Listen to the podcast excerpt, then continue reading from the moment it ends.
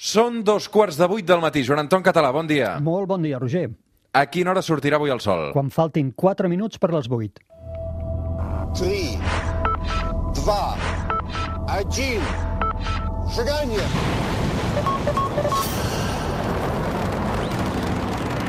One small step for man, one giant leap for mankind.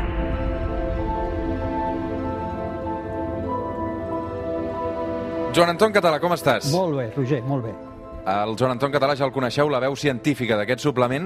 Avui, Joan Anton, deixa'm explicar als oients que tindrem ració doble de Joan Anton Català, perquè, eh, com sempre, la Terra és plana cada diumenge a l'hora que surt el sol a dos quarts de vuit del matí, però què farem avui? Com que han obert els bars, li hem dit, Joan Anton, fem la secció, et deixem anar a esmorzar, um, però és que vull que tornis avui a quarts d'onze del matí, perquè ens visitarà el Tomàs Molina. El Tomàs Molina ha publicat eh, fa unes setmanes Meteocuriositats, un llibre um, que evidentment va al voltant de per què estem tan fascinats pels fenòmens meteorològics i per què ens agrada tant el temps. Aleshores, clar, a nosaltres que també ens agrada tant mirar el cel cada diumenge amb el Joan Anton Català, dic, calla, que també vingui perquè també ens ajudarà a fer-la petar una bona estona. A més, amb un cap de setmana què el temps no acompanya, eh, Joan Anton? No, eh, que bé, escolta'm, per mi és un privilegi. De fet, tornar aquí ja és un privilegi i al damunt eh, ser amb el Tomàs Molina, doncs també, eh? Vull dir que jo encantadíssim. L'admires, el Tomàs? Molt. Sí, sí, sí. De fet, amb molts dels, dels que es dediquen a la meteo els admiro perquè és que han creat escola. Realment ens han, ens han captivat a tots i ens han enganxat a, a saber què passa en els nostres cels. Per tant, els, els admiro molt.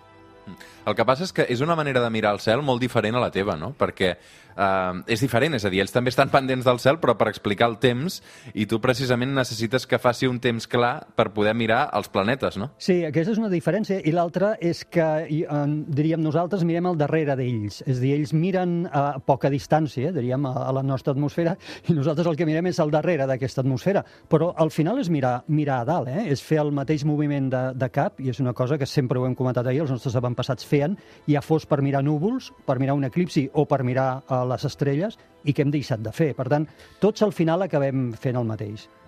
Doncs avui amb el Joan Anton Català i també el Tomàs Molina, a partir de quarts d'onze del matí, per què ens interessa tant mirar cap al cel de maneres diferents? Una, des de l'astronomia i l'altra, des de la meteorologia. Avui a dos quarts d'onze, Joan Anton Català i Tomàs Molina també al suplement.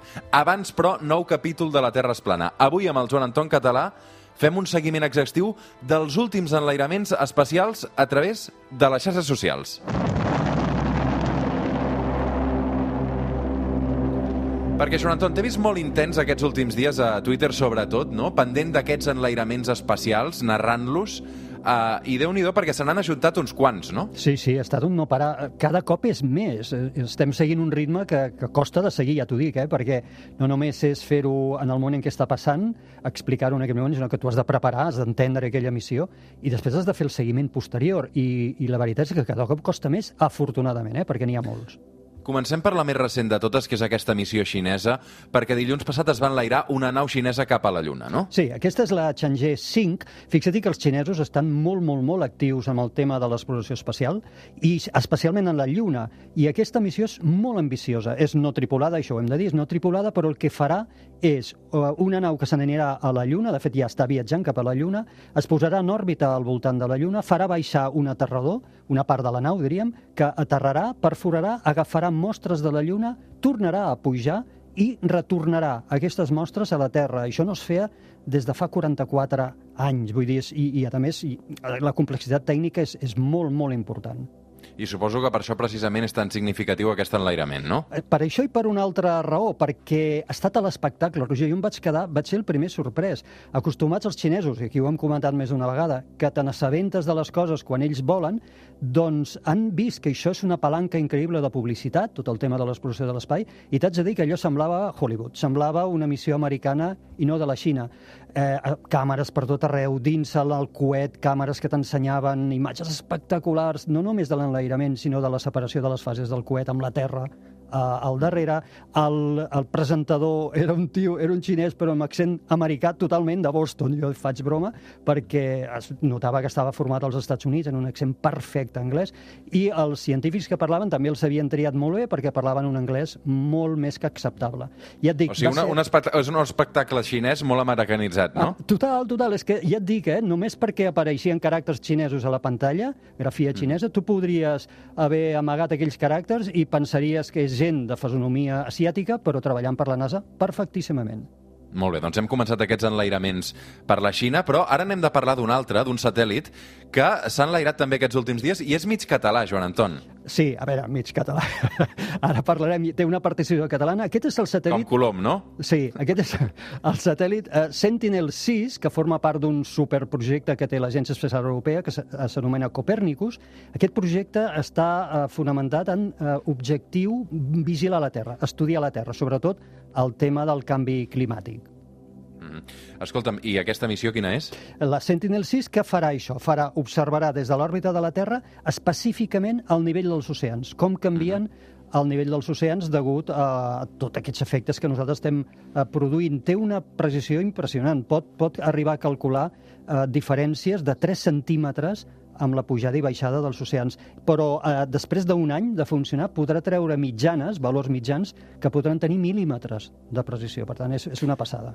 Jo m'he flipat una mica, si m'ho deixes dir així, dient que té participació catalana o que té aquest segell català. Exactament per què està vinculat amb Catalunya? Sí, ho has dit bé, eh? de totes formes ho has dit bé. Mira, d'entrada, diríem que és un projecte que és conjunt entre moltes agències. Hi ha l'Agència Espacial Europea, hi ha la NASA, hi ha la UMETSAT, que és l'Organització Europea per l'explotació de satèl·lits meteorològics, hi ha la NOAA, que també és un organisme americà que estudia els oceans i l'atmosfera. Per tant, és un, un projecte, com veus, molt conjunt. I la participació catalana és d'una empresa que es diu Isarsat, que ha treballat en el disseny i desenvolupament del processador de l'altímetre, que permetrà pe- prendre aquestes mesures i després explotarà, permetrà que els científics puguin explotar aquestes mesures. Isarsat va ser eh, fundada l'any 2006, té seu a Barcelona i a Guildford, a UK.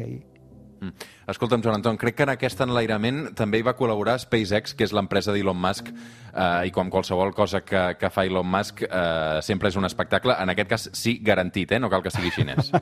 Sí, sí. Uh, Fixa-t'hi, uh, aquest projecte van triar, van dir, va, en què ho llancem? En què llancem el Sentinel-6? Van dir, doncs en SpaceX, amb un Falcon 9, un coet Falcon 9 de l'Elon Musk, de la companyia SpaceX, que han demostrat una, una gran fiabilitat, aquests coets, i, per tant, tot va ser, com ara deies, un show. Eh? Un altre cop, eh, càmeres per tot arreu, visions espectaculars, no només de l'enlairament, sinó després de, de com el coet es separaven les fases. Després, com queia la fase principal, la primera fase del coet Falcon 9, des de 75 quilòmetres d'alçada, quan ja ha quedat lliure, com és capaç aquest coet de caure totalment des d'allà i acabar aterrant en vertical lentament damunt d'una- plataforma, en aquest cas a, a terra. Uh, increïble, increïble. Jo, mira que ho he vist de cops, això, aquesta maniobra d'un Falcon 9 aterrant en vertical, però és que cada cop que ho veus, més clar, tu posen les càmeres enllà, et farcegen de càmeres i estàs veient des del propi coet com està caient a tota velocitat i com va frenant, va frenant i acaba aterrant en vertical. És una passada. I tu allà com un nen petit eh, aplaudint i mirant-ho i que et cau la bava, pràcticament, eh? Sí, sí, no, i, i uh, dient expressions. Jo portava els auriculars per no emprenyar, diríem, a la família, però jo mateix em trobava fent expressions d'aquestes de, de sorpresa i de, de fascinació, perquè podem criticar A quina hora moltes passava coses. això? A quina hora passava A veure, deixa'm-ho recordar. Això era, jo crec que era la nit... Ai, ara, ara em fas De matinada dubtar, eh? matinada, no? De sí, matinada, jo penso que sí, jo penso que sí. Però encara hi havia família per allà, eh? vull dir que no era, no era molt matinada. Ara no, no recordo exactament l'hora que era. Molt bé. Escolta'm, uh, crec que abans d'aquest enlairament es van veure com unes emissions uh, d'aigua abans de que s'engeguessin els motors. Per què és això exactament? Uh, estan apagant algun foc? Uh, estan refredant motors? Per què, per què es fa servir aquesta aigua? Sí, era, són, de fet, és una, una gran acumulació d'aigua que es llença a la part inferior del coet just abans de l'enlairament. Bàsicament és per eh, acabar eh, eh, absorbint les vibracions de l'engegada dels motors i que aquestes vibracions no es propaguin a l'estructura del coet. També serveixen per refredar eh, tota aquella estructura, però bàsicament la seva principal funció és aquesta, és absorbir les vibracions del moment de l'engegada dels, dels motors. Què passa amb aquests satèl·lits, Joan Anton, quan, quan se'ls acaba la vida? Ah, això és molt bona pregunta perquè la legislació fa molts anys que va canviar i actualment s'obliga, les Nacions Unides obliguen a qualsevol que enlairi un satèl·lit a fer-se encàrrec després de retirar-lo quan aquest satèl·lit ja es mori, diríem. I per tant, quasi tots, i aquest el Sentinel-6 porta, sistemes de poder modificar la seva òrbita, la seva trajectòria, per, per exemple, no sé com ho faran al final, però quan s'acabi al cap de no sé quants anys el seu, el seu funcionament, el puguin enviar en una trajectòria que es cremi a la part alta de l'atmosfera de la Terra i, per tant, no quedi com a zombi, no quedi com a ferralla espacial. Som al suplement, som a Catalunya Ràdio, això que sona és la Terra es plana, avui amb el Joan Anton Català fent un seguiment dels últims enlairaments espacials.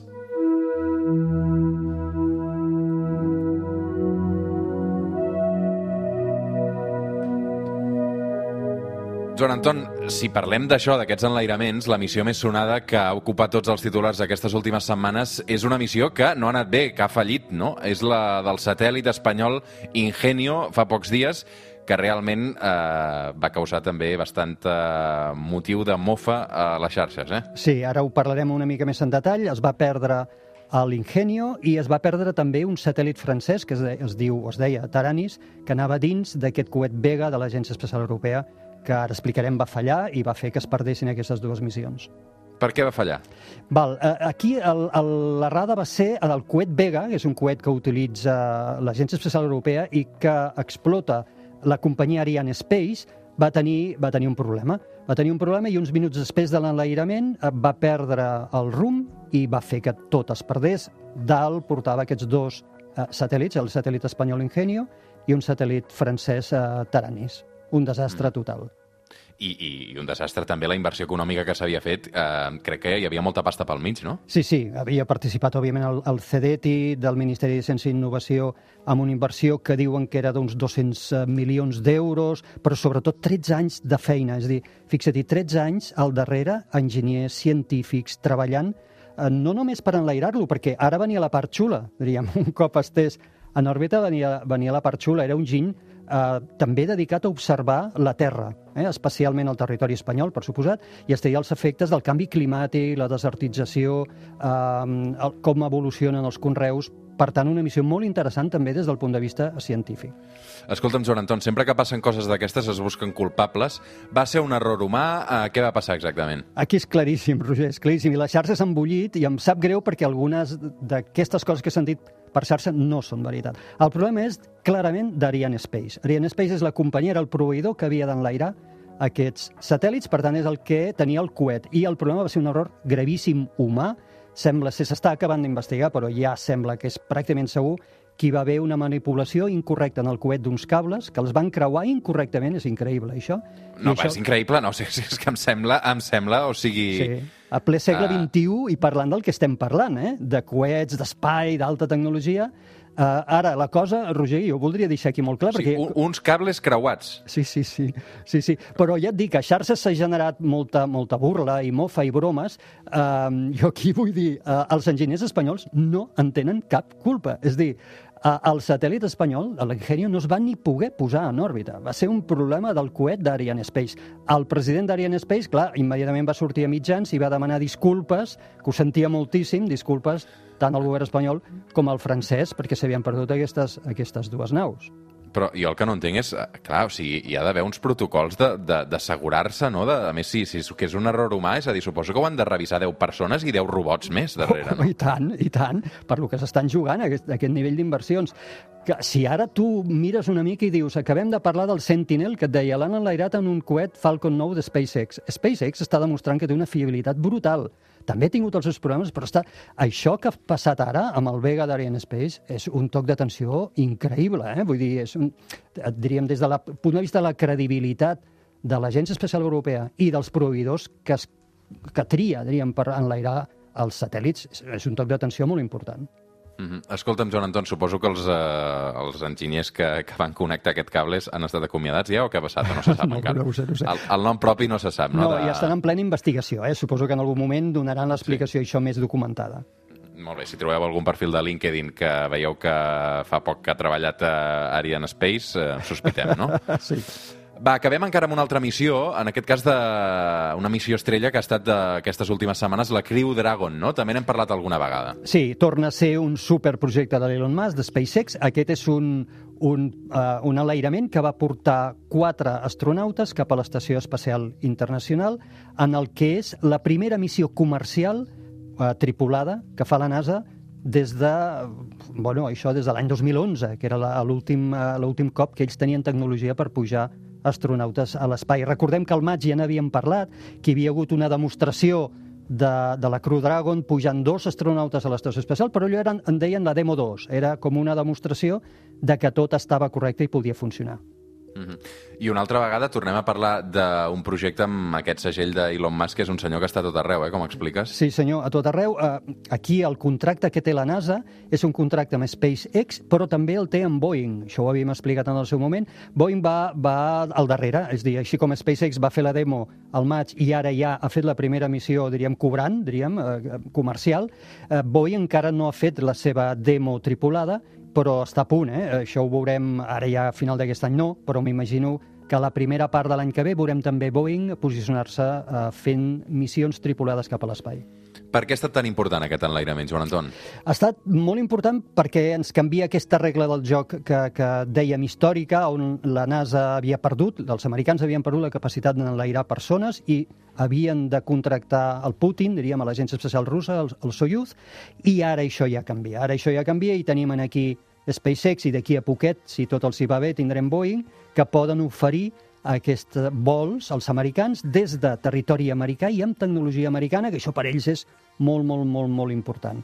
Uh, després hem pujat quatre astronautes, és a dir, d'un cop hem pujat quatre astronautes a, a dalt a l'espai, tres són de la NASA, eh, són dos homes i una dona, i un altre és de l'Agència Espacial Europea. Eh? Per tant, també des d'aquest punt de vista de pujar en quatre de cops, els Soyuz normalment en pugen tres, també és un, un canvi important. I un altre espectacle també protagonitzat per Elon Musk, no? Total. Uh, a més a més, crec que va ser una missió, uh, dius, aquests quatre tripulants, és que n'hi havia un altre de molt especial, uh, un Yoda, no? Sí, sí. El Yoda, això és una tradició que ve de l'enlairament del Soyuz. Les tripulacions normalment el que fan és el, el fill d'un d'ells els hi dona un, un nino de peluix, que ells el que fan és el deixen lliure dins de la nau i quan el veus flotar, doncs això és senyal de que ja estan en, en, en manca de pes, en situació de manca de pes, en òrbita. Això és una tradició que ve de fa molts anys. Què passa? Que en aquest cas no han desvetllat quin seria aquesta joguina, no han dit quina seria, no l'ha triat cap fill d'astronauta, l'han triat ells quatre de forma consensuada, i les imatges, clar, van ser molt espectaculars, perquè estaves allà veient tot, perquè ja t'ho filmen tot, i en un moment determinat doncs, hi ha imatges de que veus aquella joguina, que és un Yoda petit, a flotar per allà al mig de la, de la càpsula. Uh, va trigar més temps del normal a arribar o no? Sí, i això també a les xarxes va haver moltes preguntes. La darrera Soyuz que es va enlairar va trigar unes quantes, poques hores, no recordo si eren 3 o 4 hores en arribar a l'estació espacial. Aquí estem parlant de que aquesta nau, la Crew Dragon, va trigar eh, quasi un dia. Però això té explicació. Primera, no sempre es triga el mateix perquè s'han de calcular les finestres de llançament i les òrbites. No sempre enganxes l'òrbita de l'estació de la forma com tu la voldries enganxar i, per tant, hi ha un, una maniobra d'apropament. Però després, la NASA en aquest cas va dir que volia fer dormir els astronautes, els volia donar temps que poguessin descansar tranquil·lament dins de la Crew Dragon abans de la maniobra de l'acoblament perquè estiguessin en perfecte estat, diríem, per aquesta maniobra que és automàtica, però que tot i això doncs, els astronautes hi han d'estar pendents. Que aquesta operació canvia les regles de joc econòmica, també, o no? Total, total. Uh, no només d'això que dèiem d'un tema d'orgull, però també econòmic. Uh, pensa que un bitllet per anar a l'espai d'astronauta, diríem, per anar a l'espai amb la Soyuz, costa 86 milions de dòlars cada seient de la Soyuz. 86 milions de dòlars. Ara aquí tenim la Crew Dragon, que els pot oferir a 55 milions de dòlars, una passada. I eh, la Starliner, que és el projecte de Boeing, serà més car, serà, es preveu sobre els 70 milions, però tot això força més barat que els 86 de, dels russos. Per tant, clar, aquí també s'obre, és un extraordinari negoci, evidentment, si no, no hi serien eh, aquestes companyies.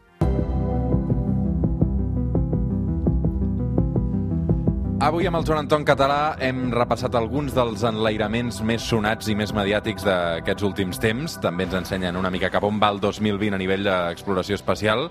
Uh, com sempre, Joan Anton, acabem aquesta Terra Esplana mirant cap al cel. Uh, què hi passarà aquesta setmana, si aixequem el cap? Tenim, que n'havíem parlat, Júpiter i Saturn, que cada cop s'acosten més visualment en el cel, aquest com sabem, aquest apropament culminarà el dia 21 de desembre, que estaran, no els podrem distingir, estaran un pràcticament sobre de l'altre.